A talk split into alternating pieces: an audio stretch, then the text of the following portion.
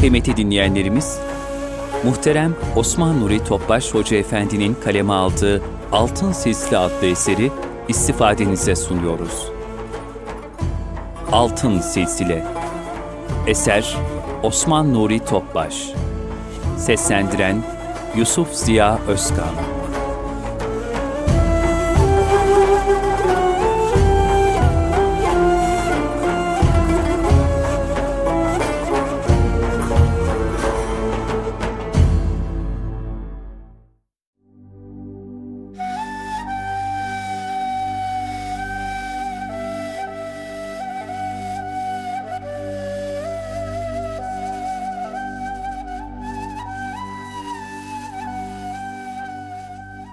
Altın Silsile Osman Nuri Topbaş Hazreti Ebu Bekir radıyallahu anh'ın Efendimiz sallallahu aleyhi ve sellem'de fani oluşu. Hazreti Ebu Bekir radıyallahu anh, yüksek sadakat, teslimiyet, aşk ve muhabbetiyle Allah Resulü'nde fani olmuştu. Onunla kalbi rabıtayı en üst seviyede yaşamıştı son nefesine kadar ilahi aşk yangını içinde benliğinden geçmiş, yalnızca Allah Resulü sallallahu aleyhi ve sellemin varlığında hayat bulmuştu. Bu itibarla Resulullah sallallahu aleyhi ve sellem Efendimizle her buluşma vaktinde ve sohbetinde apayrı bir vecd ve istirak hali yaşardı. Allah Resulü sallallahu aleyhi ve sellemin huzurlarındayken bile, ona olan muhabbet ve hasreti teskin olacağı yerde daha da ziyadeleşirdi. Onunla adeta aynileşmişti. Efendimiz sallallahu aleyhi ve sellem de bu aynileşme ve muhabbet sebebiyle Ebu Bekir bendendir, ben de ondanım. Ebu Bekir dünyada ve ahirette kardeşimdir buyurmuşlar. Böylece mana alemindeki beraberliklerini ve kalpleri arasındaki müstesna irtibatı ifade etmişlerdir. Fakat bu aynileşme hali nice fedakarlıklar ve büyük bedeller karşılığında gerçekleşmiştir. Zira insan en ağır bedeli muhabbeti uğrunda öder. Bu fani alemde ödenen en ağır bedel ise ilahi muhabbetin bedelidir.'' Hazreti Ebu Bekir radıyallahu anh de Allah ve Resulü ile dostluğun ulvi lezzetine gark olmak için Allah ve Resulünün muhabbetinin bütün bedellerini hiç tereddüt etmeden ödeyebilmenin gayret ve heyecanı içinde bir hayat yaşamıştır. Nitekim bir gün Ebu Bekir radıyallahu an Kabe'de insanları Allah'a ve Resulüne iman etmeye çağırmıştı. Buna öfkelenen müşrikler, Hazreti Ebu Bekir ile müminlerin üzerine yürüyüp, onları şiddetle dövmeye başladılar. Hele fasık utbe, Hazreti Ebu Bekir'in üzerine çıkıp çiğnedi, yüzünü demir tabanlı ayakkabılarıyla tekmeledi. Hazreti Ebu Bekir radıyallahu anh'ın her tarafı kan revan içinde kaldı. Kabilesi Teymoğulları, Hz. Ebu Bekir radıyallahu anh'ı müşriklerin elinden zorla kurtarıp baygın bir halde evine götürdüler. Öleceğinden korkuyorlardı. Hz. Ebu Bekir radıyallahu anh ancak akşama doğru kendine gelebildi ve ilk olarak binbir zahmetle Resulullah sallallahu aleyhi ve sellem nasıl, iyi mi diye sordu. Annesi Ümmül Hayr sürekli bir şeyler yiyip içsen diye ısrar ediyor, Ebu Bekir radıyallahu anh ise sanki onu hiç duymuyormuş gibi Resulullah sallallahu aleyhi ve sellem ne yapıyor, ne haldedir diye sorup duruyordu. Gece olunca binbir güçlükle ve gizlice Darül Erkam'a gidip Resulullah sallallahu aleyhi ve sellemi görünceye kadar hiçbir şey yiyip içmedi. Peygamber Efendimiz'i görünce de hemen dizlerine kapanıp, anam babam sana feda olsun ya Resulallah. Benim hiçbir sıkıntım yok. O habis fasık beni biraz hırpaladı o kadar dedi. Hazreti Ebu Bekir radıyallahu anh'ın şu hali de onun fena fir Resul makamında nasıl da zirveleştiğini ne güzel ifade etmektedir. O Mekke fethinde gözleri görmeyen ihtiyar babasını Müslüman olmak üzere Allah Resulü'nün huzuruna getirmişti. Resul-i Ekrem sallallahu aleyhi ve sellem Efendimiz, Ebu Bekir, ihtiyar babanı niye buraya kadar yordun? Biz onun yanına gidebilirdik buyurdular. Hazreti Ebu Bekir radıyallahu anh ise, onun size gelmesi daha münasiptir. Bir de Allah Teala'nın bu vesileyle babama sevap vermesini istedim dedi. Ebu Kuhafe radıyallahu an beyat etmek üzere elini Fahri Kainat Efendimizin mübarek eline uzatınca, Ebu Bekir radıyallahu an duygulanıp ağlamaya başladı. Resulullah sallallahu aleyhi ve sellem hayretle niçin ağladığını sorunca da şu müthiş cevabı verdi. Ya Resulallah, sana beyat etmek üzere uzanan şu el, babamın değil de amcan Ebu Talib'in eli olsaydı da, bu vesileyle Allah Teala benim yerime seni sevindirseydi. Çünkü sen onu çok seviyor ve iman etmesini çok istiyordun. Hazreti Ebu Bekir radıyallahu an her zaman Vallahi Resulullah sallallahu aleyhi ve sellem Efendimizin yakınlarını kollayıp gözetmek, benim için kendi yakınlarımı kollamaktan daha sevimlidir derdi. Bir defasında da Resulullah sallallahu aleyhi ve sellem Efendimiz, Ebu Bekir'in malından istifade ettiğim kadar başka hiç kimsenin malından faydalanmadım buyurmuştu. Ebu Bekir radıyallahu anh ise, bu iltifatkar sözden adeta bir gayrılık manası çıkararak, gözyaşları içinde, ben de, malım da, hepsi size ait değil mi ya Resulallah dedi. Bu suretle kendisini bütün varlığıyla Peygamber Efendimiz'e adadığını ve onda fani olduğunu ifade etti.''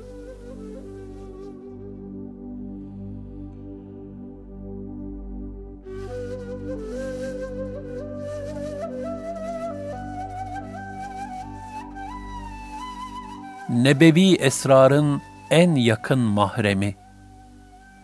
Ebu Bekir radıyallahu an gönlünü Resulullah sallallahu aleyhi ve sellem Efendimizin kalp alemini yansıtan berrak bir ayna haline getirmişti. Bu itibarla o, Peygamber Efendimiz'de fani olmanın en müşahhas numunesi oldu. Bu fani oluş sayesinde de Fahri kainat Efendimiz sallallahu aleyhi ve selleme ait her şey, onun kalbinde çok derin bir mana kazandı.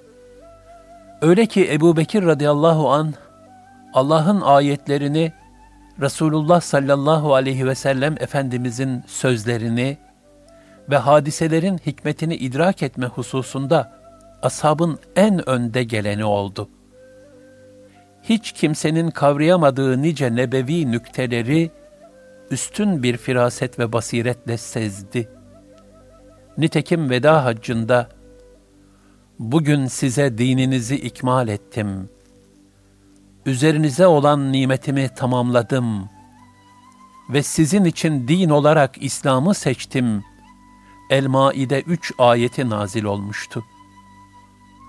Herkes dinin tamamlanmasına sevindi.'' Fakat Hazreti Ebu Bekir radıyallahu an yüksek firasetiyle bundan Allah Teala'nın pek yakında sevgili Resulünü ebediyet alemine davet buyuracağı hakikatini sezdi. Gönlüne düşen ayrılık ateşinin ızdırabıyla hüzne gark oldu. Ebu Bekir radıyallahu anh'ın bu ince kavrayışını gösteren misallerden biri de şudur. Allah Resulü sallallahu aleyhi ve sellem son günlerinde hastalığının ağırlığı sebebiyle mescide çıkamamıştı. Cemaate namaz kıldırması için Ebu Bekir radıyallahu anh'ı imam tayin etmişti. Fakat bir ara kendilerini iyi hissederek mescide çıktı. Ashab-ı kirama bazı nasihatlerde bulunduktan sonra, şanı yüce olan Allah, bir kulunu dünya ile kendi katındaki nimetler arasında serbest bıraktı. O kul da Allah katındakini tercih etti buyurdu. Bu sözler üzerine Hazreti Ebu Bekir'in hassas ve rakik kalbi mahzunlaştı. Ardından da sıcak gözyaşları dökmeye başladı.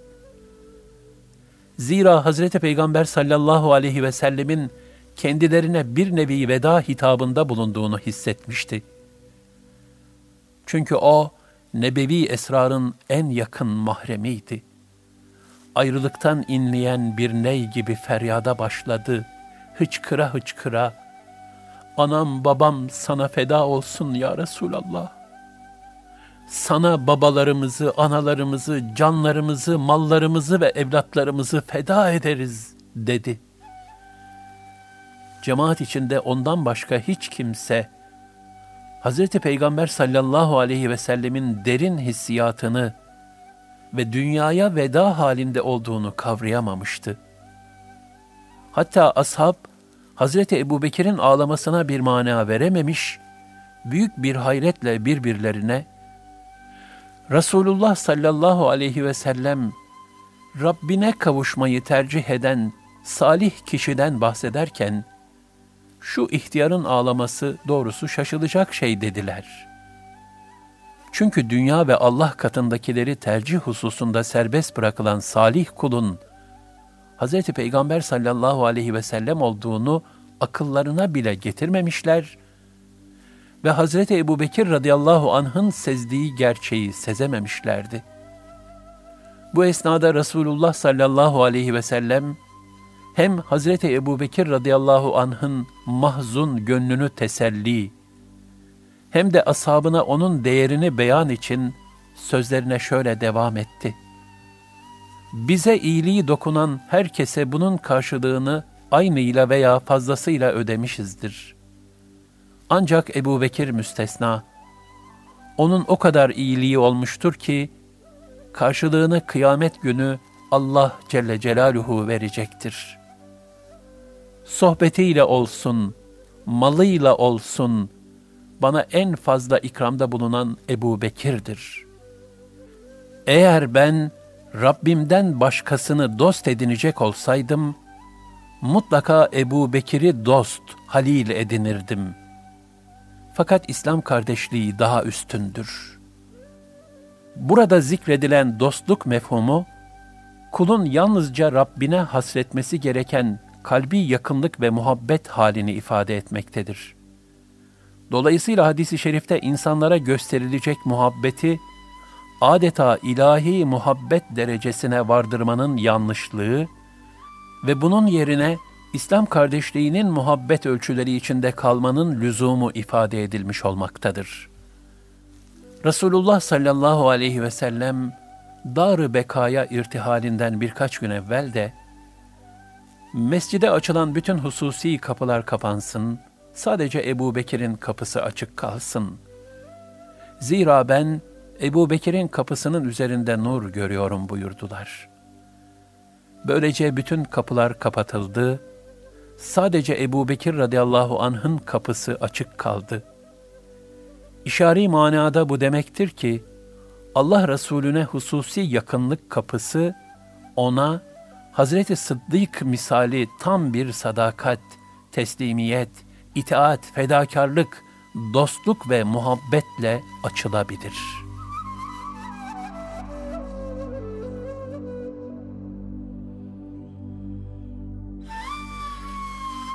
her şeyini Allah yolunda feda etmesi.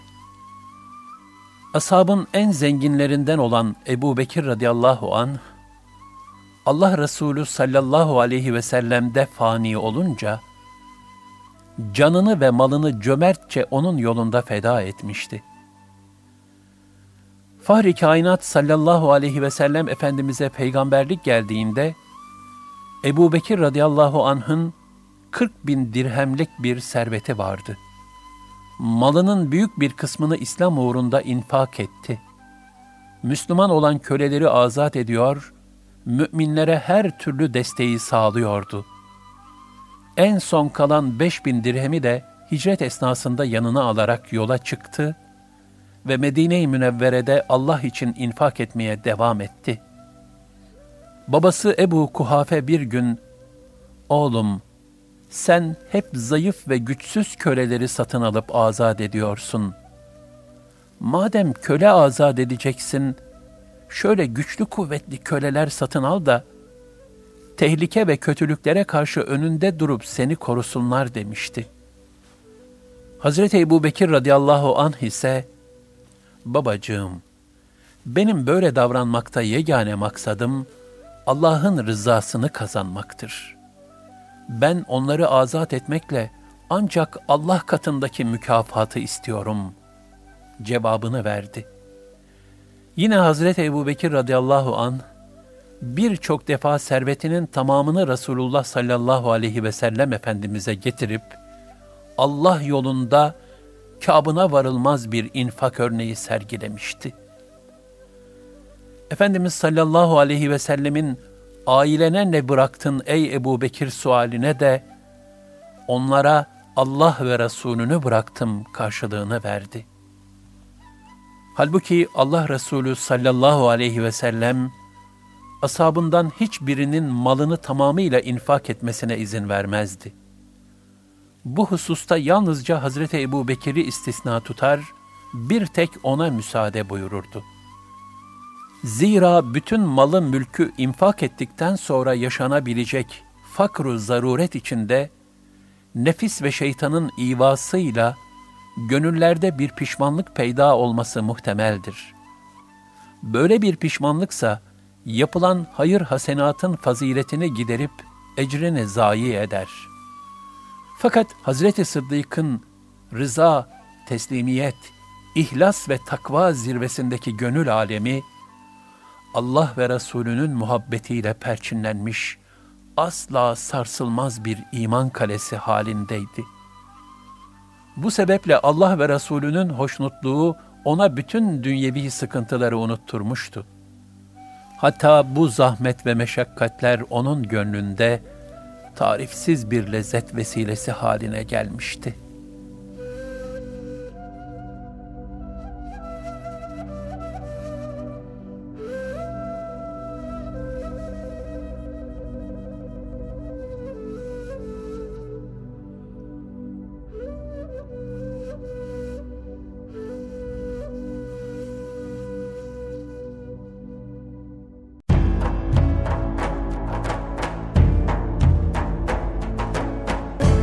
Kalbin Sesi Erkam Radyo'da muhterem Osman Nuri Topbaş Hoca Efendi'nin kaleme aldığı, Yusuf Ziya Özkan'ın seslendirdiği Altın Sesli adlı eseri dinlediniz.